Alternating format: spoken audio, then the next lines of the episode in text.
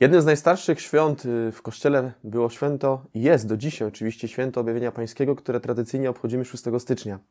W tradycji Kościoła y, to święto wspominało trzy wydarzenia.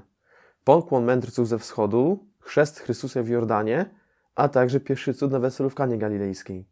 W dzisiejszych czasach, kiedy myślimy o święcie Objawienia Pańskiego, to w sposób szczególny mamy na myśli pokłon mędrców ze wschodu.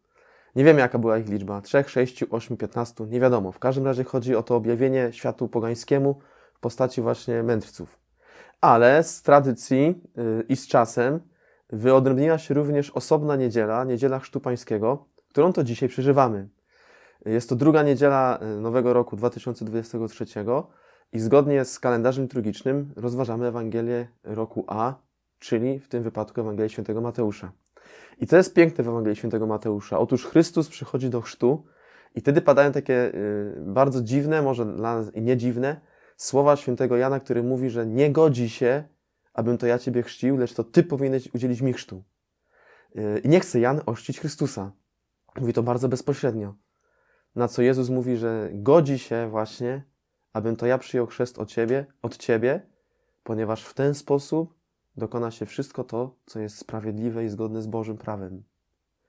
I te słowa są bardzo ujmujące, drodzy bracia i siostry, dlatego że my niejednokrotnie sobie myślimy, że Panu Bogu jesteśmy może niepotrzebni.